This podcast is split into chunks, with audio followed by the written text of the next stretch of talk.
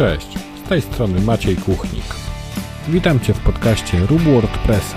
Jeśli korzystasz z WordPressa, to na pewno znajdziesz tu coś dla siebie.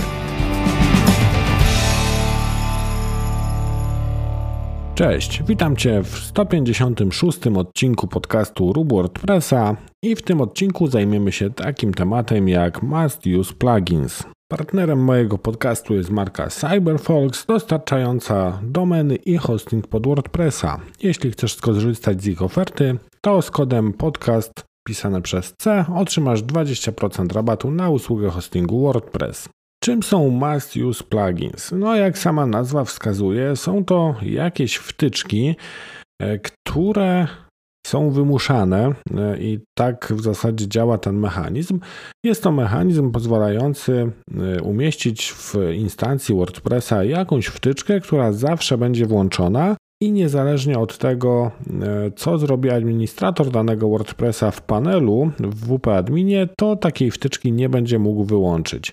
Różni się to tym od zwykłych wtyczek, że takie wtyczki umieszczamy w plikach w osobnym katalogu. Domyślnie jest to WP Content i w WP Contencie powinien być katalog MU Plugins i wtedy te pliki, które są umieszczone tam, są wczytywane w kolejności alfabetycznej i po prostu są wykonywane w naszym WordPressie.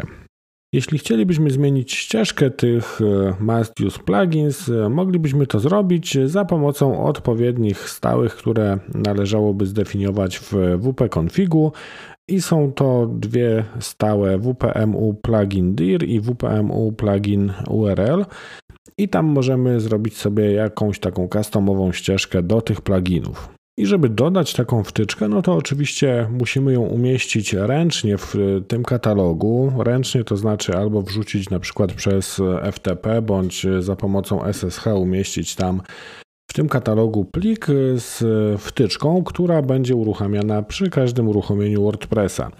I co ważne, tutaj nie mamy takiego mechanizmu znanego z tych zwykłych pluginów, gdzie możemy daną wtyczkę włączyć, wyłączyć, usunąć.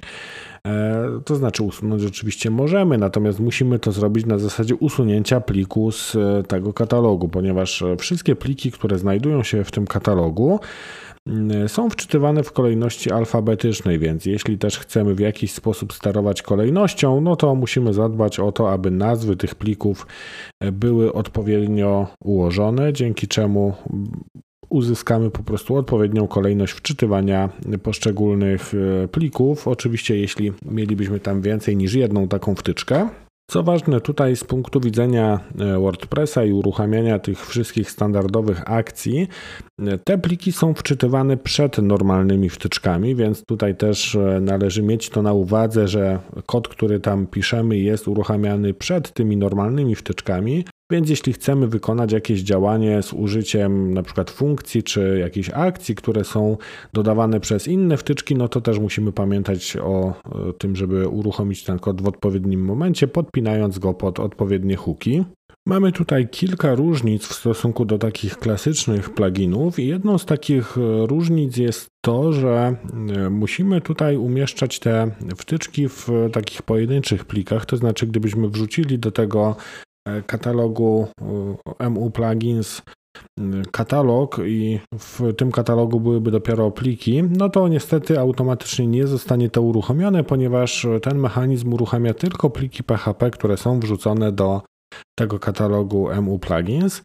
E, natomiast z tym można sobie poradzić, dodając taki mm, plik, który będzie ładował nam już całą wtyczkę zawartą w danym katalogu.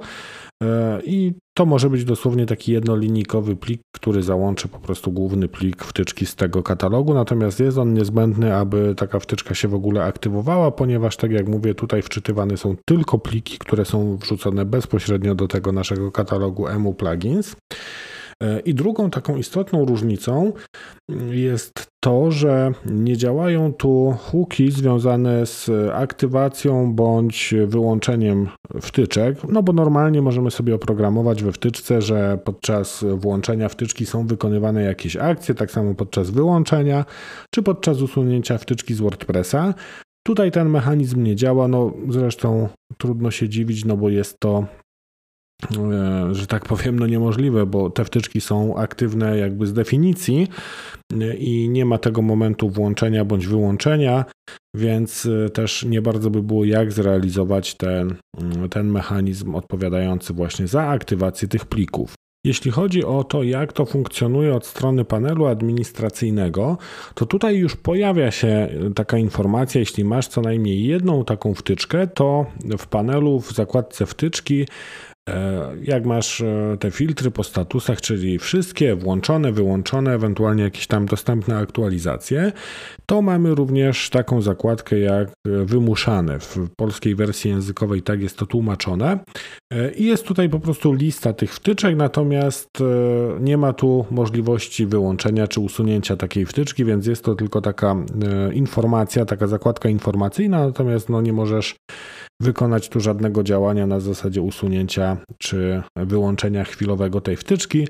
Żeby wyłączyć wtyczkę, no to najzwyczajniej trzeba ją usunąć z tego katalogu albo po prostu przenieść poza katalog, żeby ona nie była automatycznie ładowana.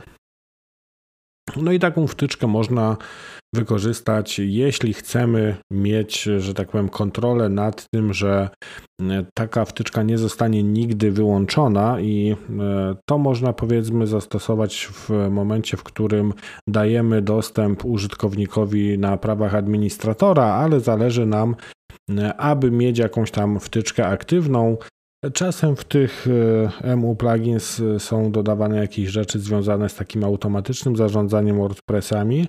E, z tego co widziałem, to chyba niektóre hostingi dodają tam własne wtyczki do zarządzania takimi instalacjami, które są robione automatycznie i żeby móc potem kontrolować te WordPressy z poziomu jakiegoś tam swojego panelu hostingowego.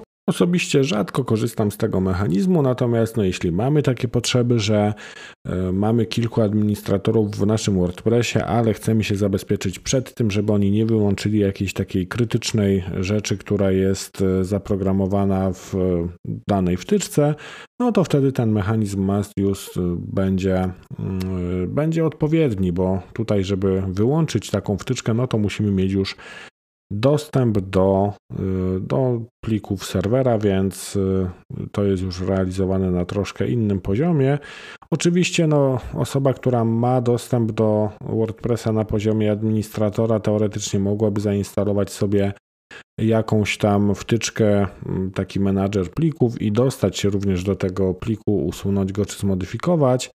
E, no ale jest to już na tyle utrudnione, że e, nawet przez przypadek gdzieś ktoś czegoś nie zepsuje przez to, że ktoś wyłączy wtyczkę bądź usunie, bo na przykład nie kojarzył jej zupełnie, nie wiedział do czego jest i myślał, że może jest zbędna. Więc e, nie daje to oczywiście takich 100%, jeśli chodzi o zabezpieczenie się przed wyłączeniem kodu, który tam jest, no ale myślę, że jest to na tyle fajny i prosty mechanizm, o którym należy wiedzieć i, mm, i który można użyć właśnie, żeby ograniczyć sobie możliwości takiego przypadkowego wyłączenia danej wtyczki. Ciekawy jestem, czy wy używacie tych e, wtyczek must use, czy, mm, czy gdzieś tam kiedyś e, były wam potrzebne. E, podzielcie się w komentarzu bądź gdzieś tam w social mediach opinią na ten temat i swoimi doświadczeniami, bo jestem ciekawy, jak społeczność WordPressa korzysta akurat z tego mechanizmu. Na dzisiaj to tyle. Dzięki za wysłuchanie i słyszymy się w kolejnym tygodniu.